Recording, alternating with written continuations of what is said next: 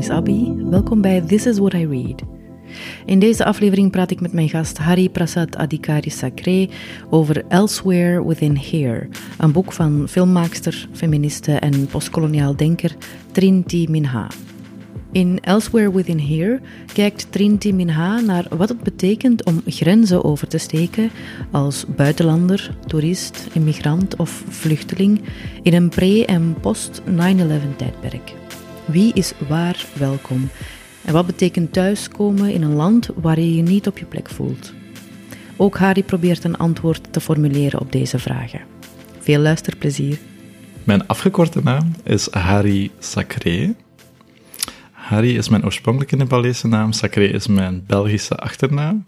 Mijn volledige naam, die eigenlijk ook nog altijd op mijn paspoort staat en die ik recent terug gebruik, is Hari Prasad Adhikari Sacré.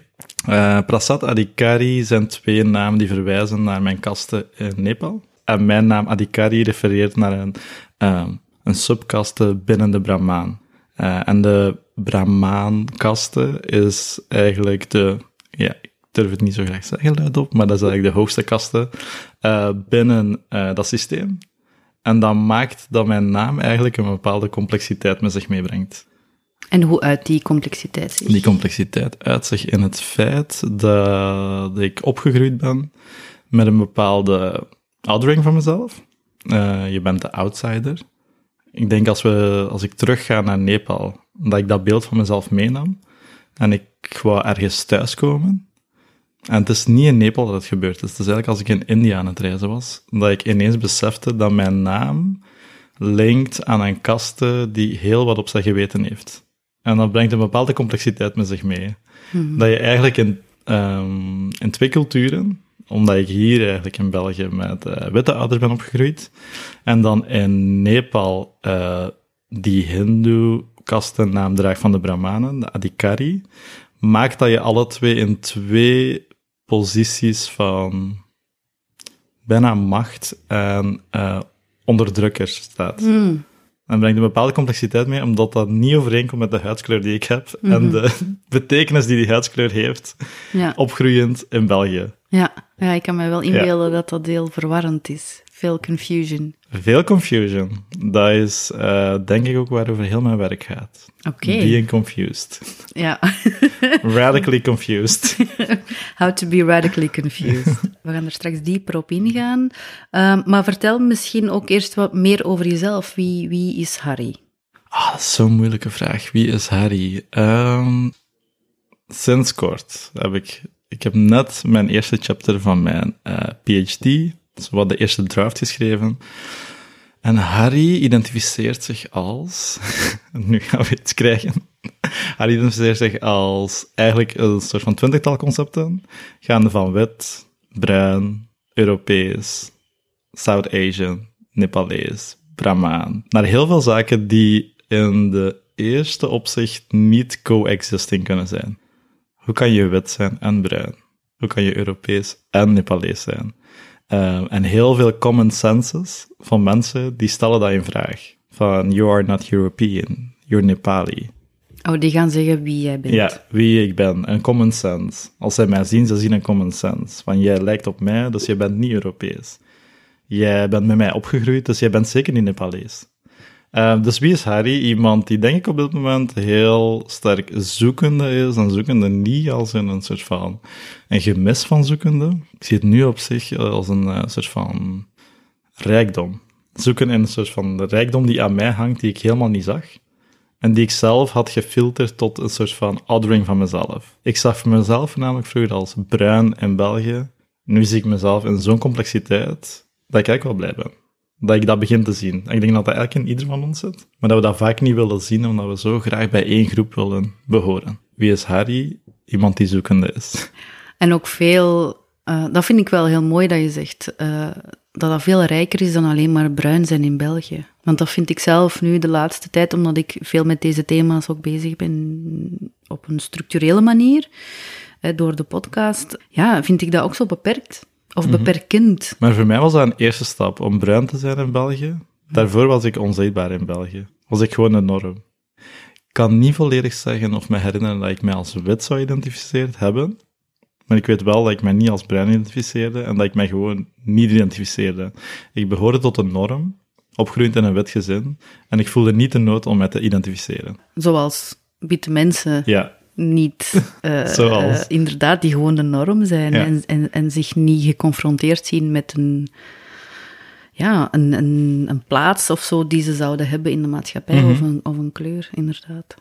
We gaan het vandaag ook hebben over het boek Elsewhere Within Here van Trin Mina. Je omschreef het boek als een mijlpaal of een keerpunt in je doctoraat. Misschien is het nu tijd om iets te vertellen over je doctoraat en, en hoe het boek daarin past. Ik zal eerst de aanloop vertellen, want dat is heel belangrijk voor de doctoraat. De aanloop is een driejarige zoektocht naar een scholarship aan een Belgische universiteit.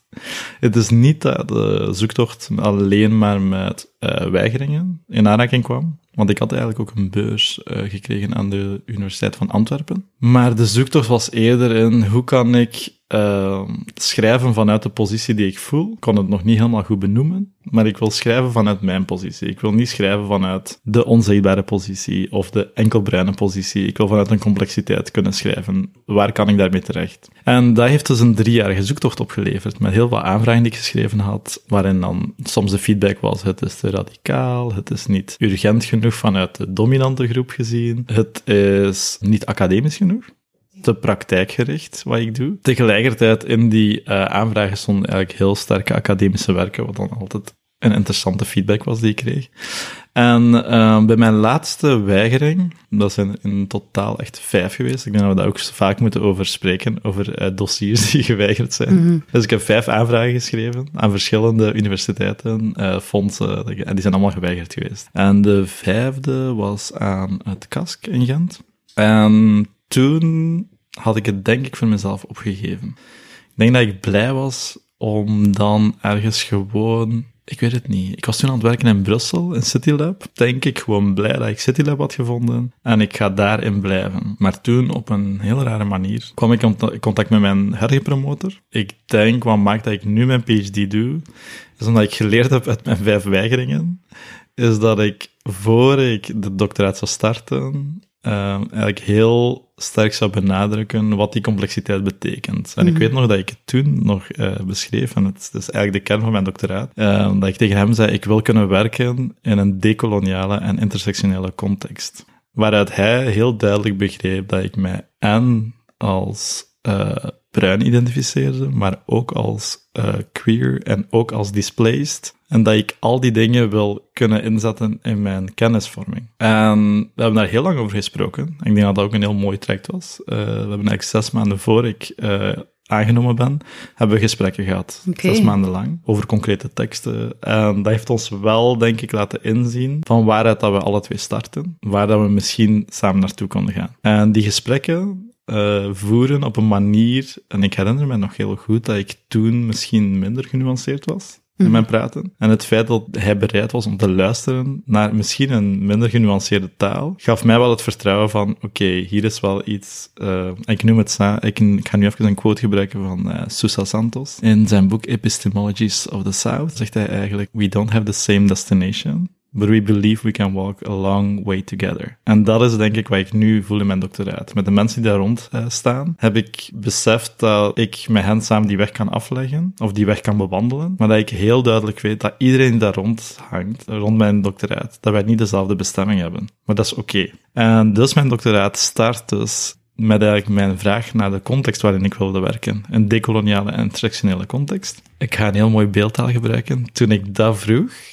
eh, staat mijn promotor op en sluit hij even de deur. En legt hij aan mij heel duidelijk uit wat eigenlijk de, eh, de realiteit is in die universiteit. En ik vond dat eigenlijk wel heel ehm, eerlijk om de realiteit te beschrijven. En toen dacht ik, ja, gewoon dat idee, dat moet misschien gewoon de inzet van mijn doctoraat worden. Om te gaan beschrijven ehm, of te gaan onderzoeken wat betekent decolonisatie en intersectionaliteit op dit moment. Toen was ik nog meer in het idee, ik ga het onderzoeken. Mijn veld is sowieso de kunsten, afgebakend in de podiumkunsten. Tegelijkertijd ben ik dan gaandeweg ook gaan evolueren als in van, ik wil het zelf een betekenis geven. Eh, ik word een beetje moedeloos van alle betekenissen die ik zie opduiken, die als we ze kritisch gaan bekijken, soms uh, eenzelfde soort dynamiek reproduceren waar ze tegen zijn. Dus ik wil zelf een artistieke praktijk ontwikkelen, waarin ik betekenis geef aan die concepten. Dat zijn dan de conversation lectures die uh, presentabel zijn en een lecture performance. Ik ga nu even teruggrijpen naar uh, Trinity Minhaar boek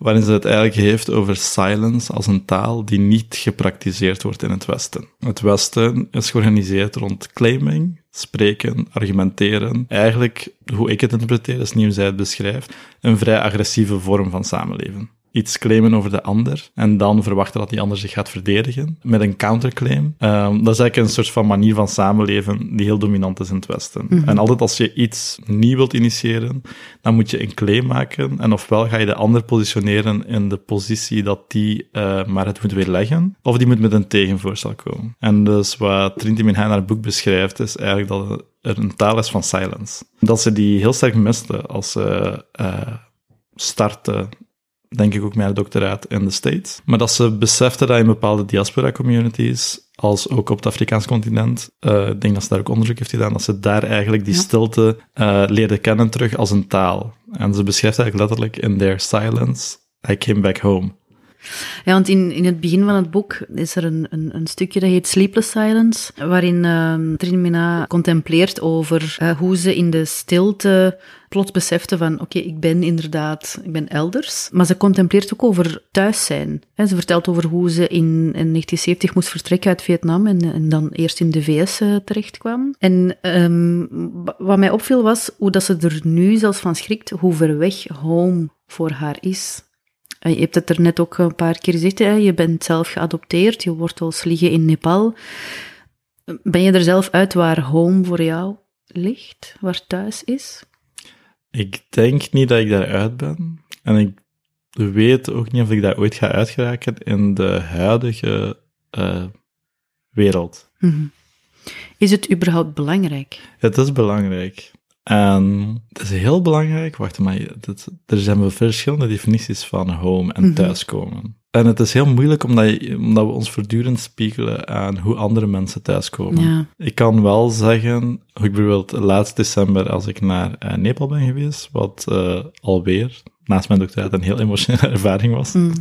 ik was eigenlijk tien jaar niet meer in Nepal geweest. Uh, ik heb alle traces naar mijn familie, maar in de voorbije tien jaar was ik blijkbaar meer bezig met uh, Europees te zijn. Mm -hmm.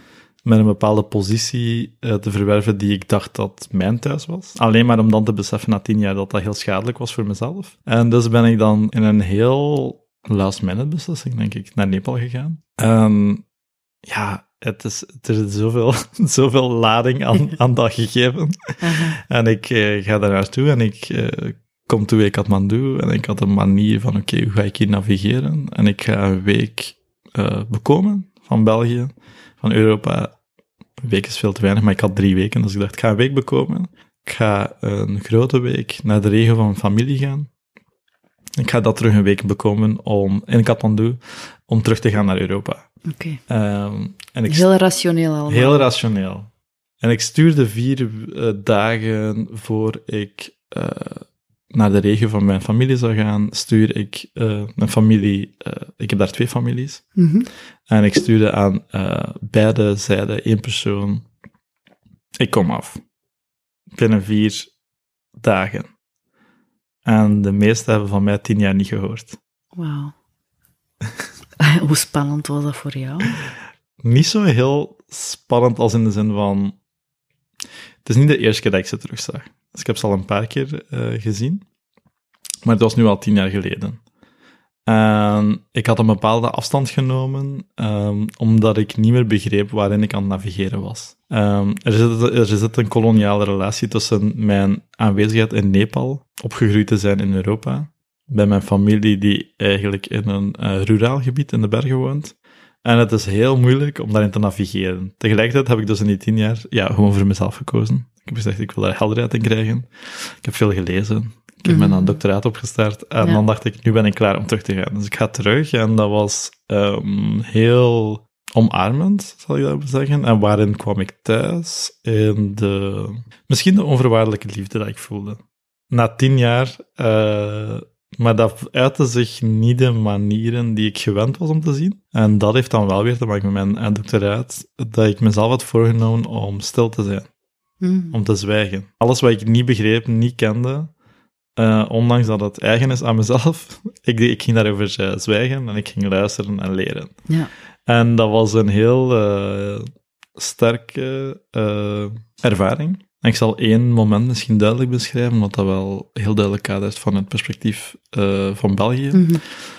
Ik logeer bij mijn broer. Dus zoals ik zeg, we zitten in de landelijke regio in de bergen in Nepal. Mhm. En ik besef op een gegeven moment dat hij twee vrouwen heeft. Mhm. En ik besef dat ik bijna helemaal blokkeer op het gegeven dat hij twee vrouwen heeft.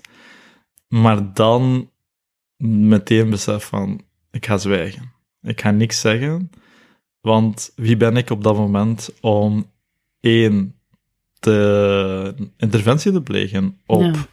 Via een discours voornamelijk, hè, een interventie te plegen ehm, op mijn broer zijn leefsituatie, maar ook op die vrouwen hun positie. En ehm, ja, hoe superieur voelende is dat niet dat ik ga vertellen dat het niet oké is dat je twee vrouwen hebt. Ja. En ik, op dat moment vond ik dat wel heel eh, moeilijk en besefte ik wel van, maar stil zijn en zwijgen, dat is niet gemakkelijk, Nee. het klinkt. en eh, daar heb ik dat wel in dat moment geleerd. En in het, eh, bij mijn familie zijn dat wel er zijn.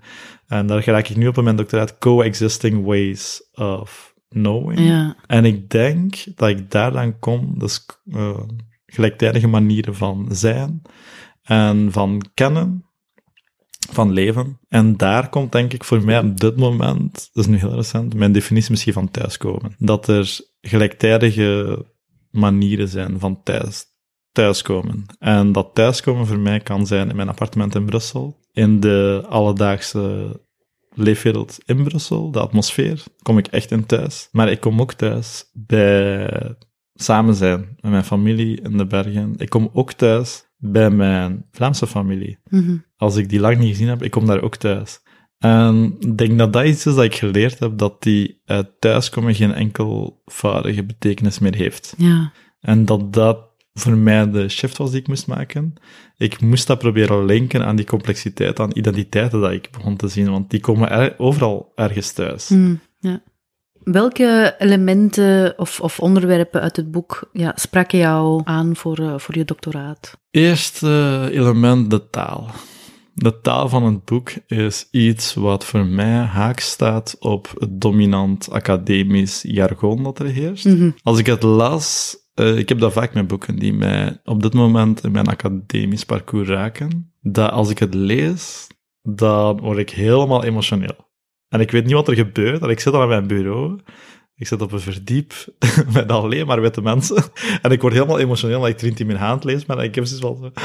En ben je normaal heel... een emotioneel iemand? Maar ik bedoel emotioneel in die zin van, het doet mij iets, het Ja. beweegt iets in mij, en het is heel ongemakkelijk om dat te ervaren in een context die je Ja. niet als veilig eh aanschouwt, Ja. maar het gebeurt gewoon. En dat is het eerste wat ik dus uit dat boek haal van, wow, het boek raakt iets in mij, en dat is iets wat ik niet dacht dat academisch werk kon doen. En dat komt ook omdat ze een filmmaker is. Mhm. Dus ze zit al op een soort van tussenidentiteit, tussen onderzoeker en filmmaker. En een identiteit die ik uiteindelijk ben beginnen zien in mezelf ook. Tussen Ja. performer, storyteller en eh, onderzoeker. Ehm, dus dat was het eerste idee. Het tweede is een heel banaal idee, maar, nee, ja, maar banale dingen spreken wel heel vaak. Ehm, zij schrijft vanuit een ehm, idee, Vietnamese identiteit. En mijn zusje die geadopteerd is, is ook van Vietnam. Mm, En het raakte iets in mij. Het raakte iets in mij van... We zijn beide geadopteerd. ehm, hebben heel moeilijk toegang naar onze eh, thuiscultuur. En via Trinity haar kon ik eigenlijk een beetje ehm, zien ehm, wat die soort identiteiten voelt in een globaal perspectief. Want in Vietnam hebben de, eh, de Fransen een koloniale historie, de Amerikanen ook. En dat is heel duidelijk in het werk dat zij brengt. En dat was voor mij iets, een tweede emotionele lading van...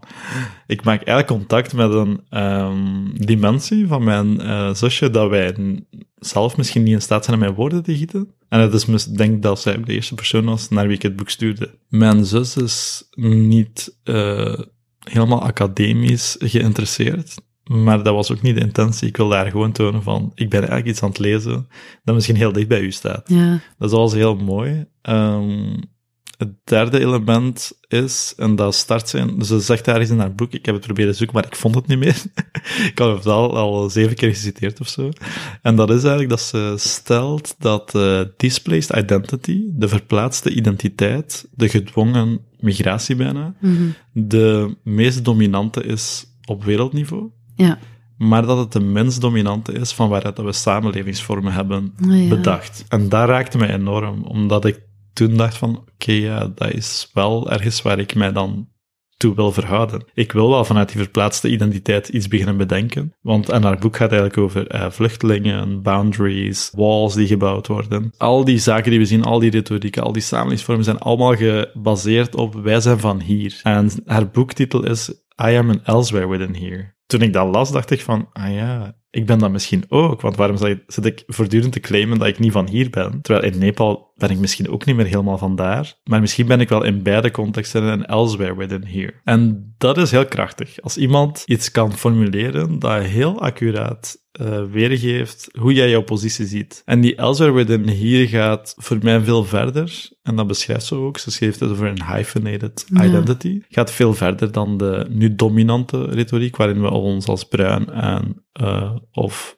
nee, dat we ons als Europees of niet-Europees die- identificeren. Maar het gaat ook over ehm, eh, opgroeien als queer in een heteronormatieve eh, samenleving. Dat je daar ook in, daarin zie je ook de elsewhere within here. Ehm, we leven alle twee in het hier, maar toch zijn bepaalde media, de dominante media, doen alsof ik niet besta. En dan heb je al de intersecties die komen. En dan begin je te beseffen van, oké, ehm, voor mij was het empowerment, want toen begon ik te beseffen, dus eigenlijk op elke intersectie waarop ik sta, die groep die bestaat hier ergens.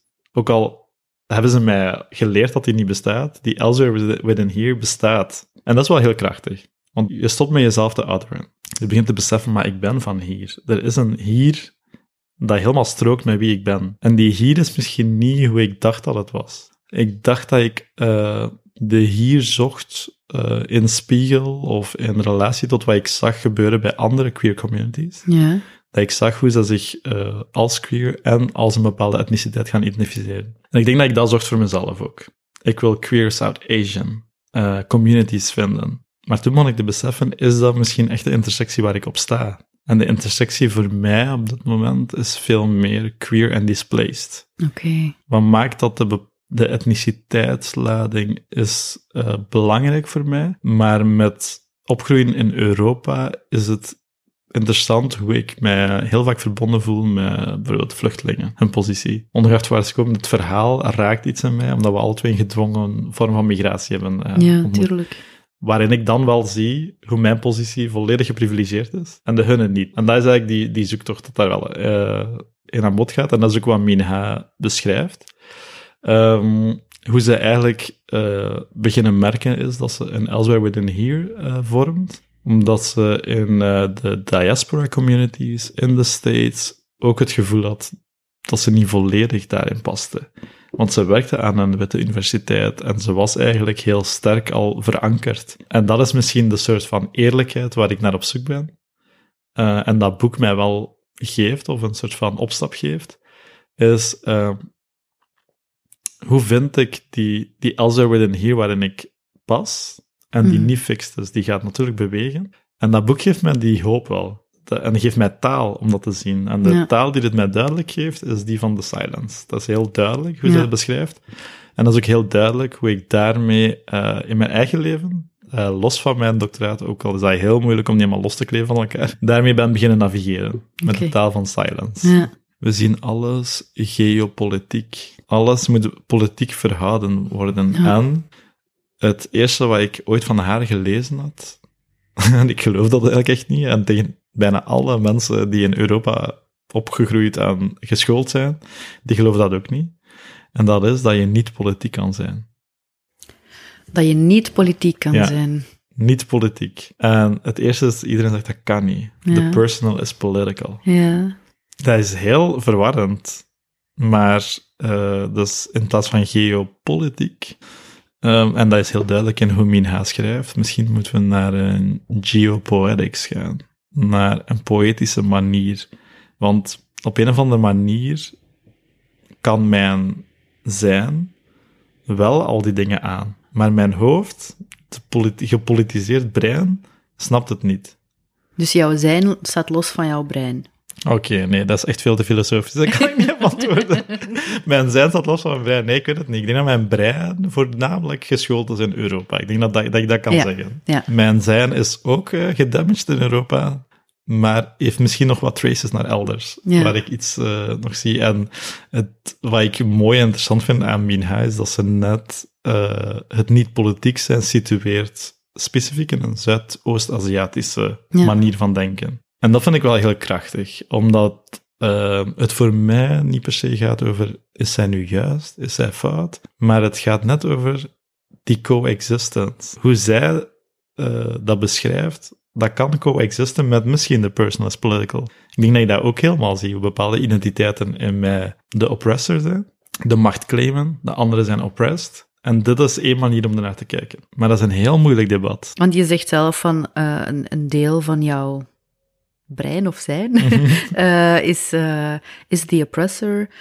Hoe leer je om dat te, dat te ontdekken of te, te, te kunnen aanwijzen van oei, oké, okay, deze manier van denken is nu echt wel heel eurocentrisch of uh, hoe, hoe gebeurt zoiets? Ik denk dat we dat allemaal heel goed weten. Um, wanneer we de reflex hebben om een bepaalde context te vermijden, omdat die ongemakkelijk kan zijn. Maar ik kan zeggen, door mijn displaced identity, dat ik genavigeerd heb in bepaalde contexten die gedwongen, geforceerd, ongemakkelijk zijn, maar die me daardoor net wel uh, geleerd hebben om te luisteren. En ik ga echt geen expertise claimen. Nee. Want recent ben ik aan het navigeren in een soort van context die niet westers is. En ik heb dat daar verdomd moeilijk mee. Want ik merk gewoon hoe geforceerd westernized ik ben. En welke ik, context is dat dan? Uh, we zullen het specifiek hebben over de South Asian context Ja. en vrienden en Ja. familie. En dat ik daar gewoon merk dat ik gewoon super westers ben. Hmm. En alles in mij wilt daarvan afstappen en schrijven van niet. En misschien zelfs mezelf terug erasen om dat eraf te halen. Maar ik heb recent beseft, ik ga dat niet meer doen. Ik ga mezelf niet nog eens erasen, want dat is eigenlijk Maar het kan misschien ook gewoon niet. dat kan misschien niet, maar het is misschien dat we denken dat kan. En het is weer al gewelddadig naar onszelf. Ik denk dat elke vorm die nu gewelddadig is naar jezelf terug, en internalized, alles, racism, sexism, alles wat we zien, dat, ik denk dat dat, uh, al die geïnternaliseerde vormen zijn echt niet meer gezond. Nee. Maar het is wel iets wat we geleerd hebben om te navigeren. Dus ik, als ik mij verhoud tot meer uh, South Asian raised, en born, en gewoon helemaal uh, opgebracht in die cultuur. Eerste reflex wat ik heb is van, ik wil mijn westerse identiteit even verdoezelen. Maar dan dacht ik, nee, ik ga dat eigenlijk niet doen. Vroeger, als ik naar Nepal ging, vond ik het voortdurend ongemakkelijk dat iedereen mij in het Nepalees aansprak. En dat uh, ik dan altijd moest uitleggen van, ja, ik ben geadopteerd, ik spreek geen uh, uh, Nepalees meer. Hmm. Maar nu, na al die jaren, heb ik beseft, deze keer als ik in Nepal was, uh, ja, iedereen spreekt mij aan in het Nepalees. Ik kan dan misschien twee woorden terugzeggen en dan zeg ik eigenlijk in het Engels van, ik spreek geen um, Nepalees meer, want ik ben opgegroeid in Europa zonder mijn community.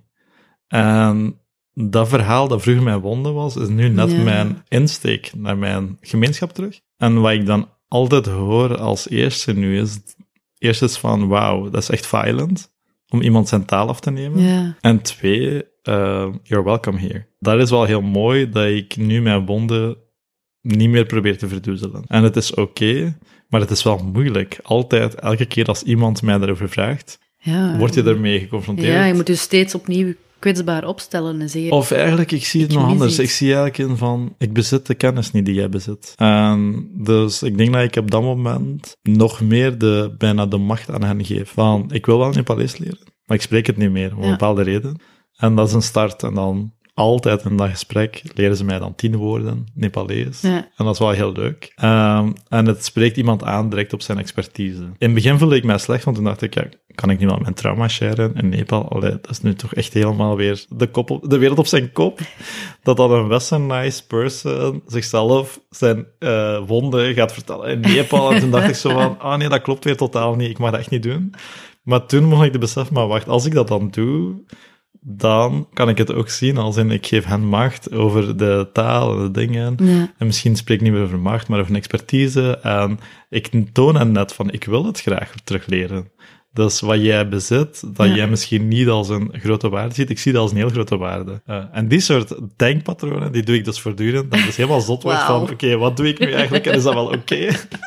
Dus ik vind het wel heel. eh, ik, zou dat, ja, ik zou dat eigenlijk zelf ook moeten doen, want ik ben ook super westernized. Omdat ik hier. eh, ik heb ook niet gekozen om hier eh, geboren te zijn. ik weet ook niet of ik het zelf zou kiezen.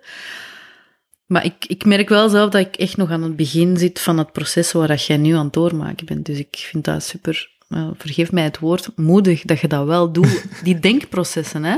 Ik, want je maakt Ja. jezelf echt Het tureluut is, gewoon. Het is eh, gemakkelijker om daar gewoon van af te stappen. Mm, het, is, het begint oké te worden als, en terug naar mijn doctoraat, terug naar Trinity Minha, Ja. als we het zien als coexisting. Ik kan geheeld worden, tegelijkertijd kan ik kritisch kijken naar mezelf. Die twee dingen moeten elkaar echt niet tegenspreken. Ja. Ik zou dat graag meer zien bij mensen. Laten we meer dit soort dingen doen. In plaats van andere mensen te zeggen wat ze moeten doen en niet doen, kunnen we alsjeblieft kritisch kijken naar onszelf. Dat komt eigenlijk van mijn co-promotor. Die, mij, de eerste ontmoeting die ik met haar had, ik viel letterlijk van mijn stoel, denk ik. ik was daar aan het praten aan mijn, over mijn werk wat ik deed en eh, de collectieven dat ik navigeer. En haar eerste feedback was echt de eerste zin dat ze zei. Ze is een Indische professor, um, te werk gesteld aan de Universiteit van Amsterdam. Mhm. En het eerste wat ze vertelde is, ik vind jouw werk heel eurocentrisch. Oh. En ik denk dat ik toen letterlijk van mijn stoel viel. van, hè? Maar zo zie ik mezelf totaal niet. Hoe zie je mij nu zo? Dat kan toch niet? En toen had ze dat eigenlijk heel mooi geduid via een volgende vraag. En ze stelde mij de volgende vraag. ehm, wat is de plaats van de Global South in uw werk? En toen dacht ik, oei. En ze vroeg mij dan, hoeveel talen spreek je? En ik vertelde haar, ja, drie talen. En dan eh, vroeg ze welke. Ik zeg, ja, Nederlands, Frans en Engels. En ehm, dan ligt het teleurstelling in haar stem. Oeh, enkel koloniale talen. En toen vertelde ze mij, misschien moet je terug een taal van de Global South leren. Dan ga je echt leren wat geletterd zijn betekent. En die feedback, ik denk dat ik daar een week niet goed van was, maar die klopte als een bus. Dat was ook bijna de grootste feedback die ze mij gegeven had. We waren echt aan het overlopen. Welke talen je geïnteresseerd in? En dan was ik aan het twijfelen nog tussen eh, Hindi en Nepalees. En toen ik het met haar aan het overlopen was, toen besefte ik, ah ja, Hindi is ook weer imperiaal geïnspireerd, want het is een taal die gesproken Ja. wordt door een grote groep. En ik dacht, die is nog economisch relevant. En toen dacht ik, nee Harry, we gaan een taal terugleren die economisch niet relevant is. En die ook je moedertaal terug is. Ehm, en ik- het is maar vanaf dat moment dat ik ben beginnen eh, benoemen. Als iemand mij vraagt, wat is jouw moedertaal? Dan zeg ik, het is Nepalees. Ja. Dus ja, wat is het perspectief van de Global South in mijn werk? Dat was haar vraag. En het perspectief voor mij is nu ehm, gekomen door te zwijgen. Ik wil luisteren naar mijn land van herkomst, maar niet ja, specifiek of de narratieven van herkomst. Ik kan daar enkel naar luisteren door te zwijgen. En dus ik heb door haar vraag mij ook moeten leren positioneren. Ik kon ook zeggen van, ah ja, ik ga dan nu onderzoek doen over geletterdheden in Nepal. Dat zou echt compleet koloniaal geweest zijn. Ja, ja. Ah, misschien kunnen we ook even de link maken naar België. Eh, heb je zicht op de Aziatische diaspora in België slash Vlaanderen? Ik persoonlijk, nee. Ik heb daar geen zicht op. Het is heel pijnlijk om dat te zeggen dat ik daar geen zicht op heb, maar ehm, nee, een paar dingen. We leven in een heteronormatieve eh, wereld. En daarin eh, was eigenlijk een van de eerste ja, baanbrekende werken dat ik de las, was van Gayatri Spivak. Die eigenlijk stelt dat de heteronormativiteit een globaal instituut is. Het is niet enkel westers. Mhm. Dus het is in eigenlijk bijna alle culturen is heteronormativiteit de norm. Wat maakt dat ik mijn eerste zoektocht naar mijn elsewhere within here was in de queer community. Ik denk dat ik nu wel op zoek ben of in aanraking kom met eh, queer South Asian people. En van daaruit kan ik misschien een paar linken zien. met een soort van South-Asian diaspora. Maar dat is misschien enkel de ingang die ik zoek. Dus ik denk ja, dat, ik, dat ik daardoor ook niet genoeg weet waar die leven, waar ze samenkomen, omdat ik mijzelf in die ruimte, ja, ga ik dan wel mijn Asian identity misschien kunnen een beetje healen en ontwikkelen, hm. maar ga ik dan weer ook een heteronormativiteit voelen. Je hebt ook een mail gestuurd van, uh, kijk, dit is ook iets waar ik het over wil hebben, die kritische perspectieven vanuit de Aziatische diaspora en de onzichtbaarheid ervan in de mhm. Vlaamse debatten. Waar komt die onzichtbaarheid vandaan? Mm. Enfin ja, het is makkelijk uit te leggen, zeg het toch nog maar eens. Het is makkelijk uit Ik vind het eigenlijk heel moeilijk uit te leggen, omdat het, uh, als ik het woord onzichtbaar nu terughoor, lijkt het alsof ik de zichtbaarheid als wenselijk zie. Ik zie dat eigenlijk niet als wenselijk. Het was onzichtbaar voor mij, ja, omdat ik opgroei in een um, systeem dat zeer homogeen is naar kennis die het geeft. Het is wit, westers en mannelijk. En dan mogen er een paar details aan te pas komen. Maar in die details zien we ook allemaal machtsdynamieken opduiken. we zien eigenlijk een, binnen de decoloniale literatuur die dan binnenkomt in Vlaanderen een heel sterke Afro-American perspectief, die ook spreekt vanuit een context die heel anders is, bijvoorbeeld mhm. naar uh, de Europese diaspora, maar dan specifiek naar mijn positie nog compleet, want ja, ik ben dan nog opgegroeid bij witte ouders, dus allez, ik weet eigenlijk niet van welk soort van stem zal het dan uh, representeren. En uh, wat voor mij moeilijk is om te zien, is hoe wij dan als diaspora gedwongen worden door het uh, patriarchaal, uh, kapitalistisch systeem om een soort van nieuwe dominantie en kanon te creëren. En dat is heel pijnlijk, omdat ik denk van, ja, ik was, en bijvoorbeeld Anissa heeft gesproken over het boek uh, Grada Quilomba. Ik vond dat een mm. super boek. Mm Ik denk dat ik nog een paar andere boeken die hier besproken zijn ook gelezen had. Mhm. Heel mooie boeken, maar ze spreken niet in mij.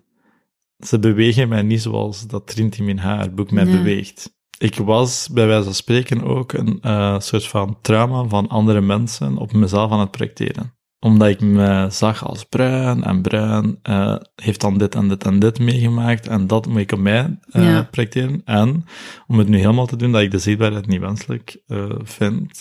Het is een soort van heel moeilijk iets om te zeggen in deze tijd, denk ik.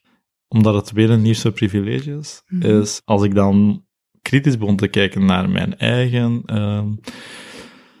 uh, heritage. Ik ga het voorbeeld geven. Voor mijn tweede lecture performance was ik aan het lezen in een, uh, was ik aan het lezen over de Nepalese geschiedenis. ik ben aan het lezen en er gebeurt iets heel raar. Ik zei, maar ja, wat is dat hier? Er is iets heel raar in die tekst. Dat was gewoon Wikipedia, hè, voor alle duidelijkheid. er is heel raar in die tekst, ik snap hier iets niet. Ik snap hier iets niet, wat ik normaal gezien gewend ben, gebeurt hier niet. Ik moet die tekst herlezen. Ik herlees dat. Maar ik, maar ik snap het nog steeds niet. Wat is dat nu met die tekst dat mij zo raar doet vinden? Het deed, mij bijna denken aan de Chinese geschiedenis lezen. Ja, Nepalese geschiedenis deed mij aan dat gevoel denken. Maar ik zei, maar wat is dat nu eigenlijk? En wat was het gevoel eigenlijk? Ik kon het heel goed duiden. Europa dook op in 1814 tot 1818, waar ze een oorlog hebben uh, gevochten met de Nepalezen. En een soort van bepaalde herverdeling is gekomen over het land waar dan gevochten werd. En ik scrollde terug, terug in de geschiedenis en ik zag geen Europa. En ik scrollde verder in de geschiedenis en ik zag geen Europa. En ik dacht zo, dat is echt een raar gevoel hoor. Scrollen door een geschiedenis waar Europa niet in zit. Dat ik daar al aan gewend ben geworden, dat dat zo is. En toen mocht ik te beseffen van, wow, maar wacht eens even. Ik denk dat ik hier een uh, soort van, uh, niet kleine, maar een serieuze inschattingsfout heb gemaakt. Dat is wel een mooi verhaal, mooi. Um, misschien een klein vraagje. Um, beschouw je jezelf als academicus of als activist? Of allebei of geen van beide? Oeh, moeilijk. Uh, lange tijd dacht ik, ik ben academicus, want ik kan het ook. dat was echt een heel domme redenering. Want toen was ik aan het vechten met mensen waar ik eigenlijk totaal niet wil tegen vechten, want ik van, eigenlijk interesseert het mij niet heel sterk uh, de codes die jullie hanteren, maar ik wil gewoon bewijzen dat ik het ook kan. Mm.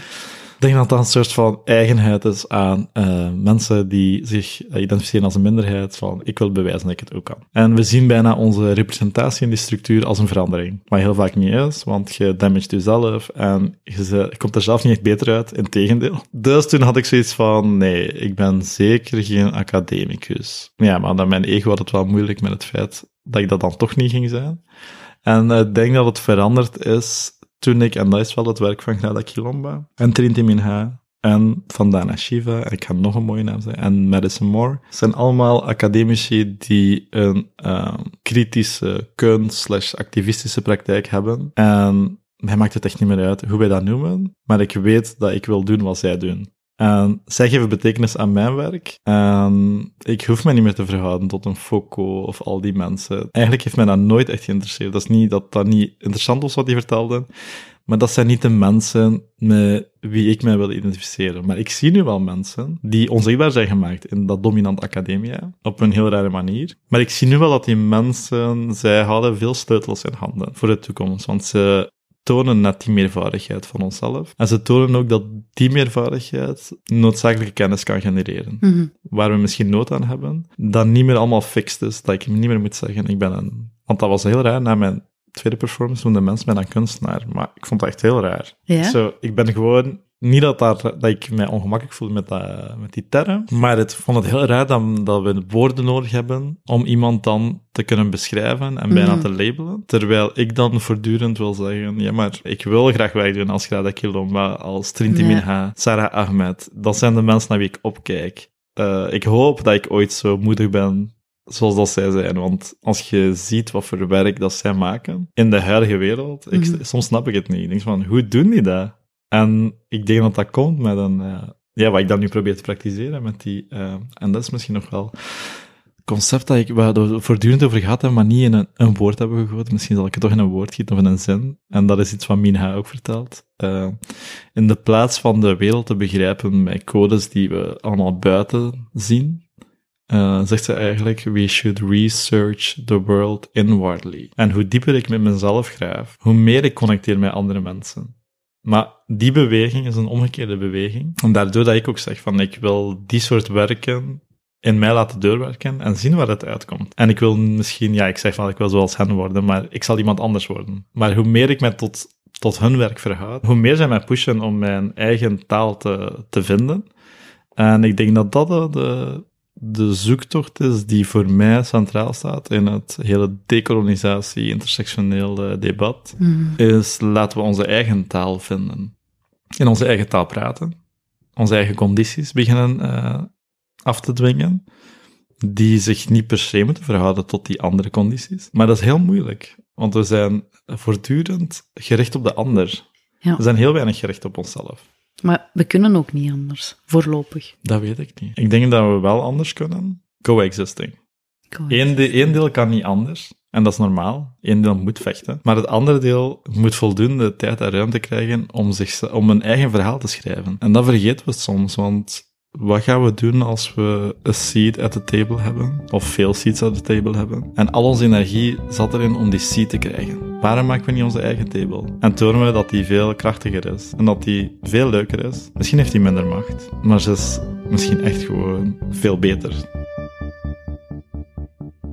Dit was This is What I Read.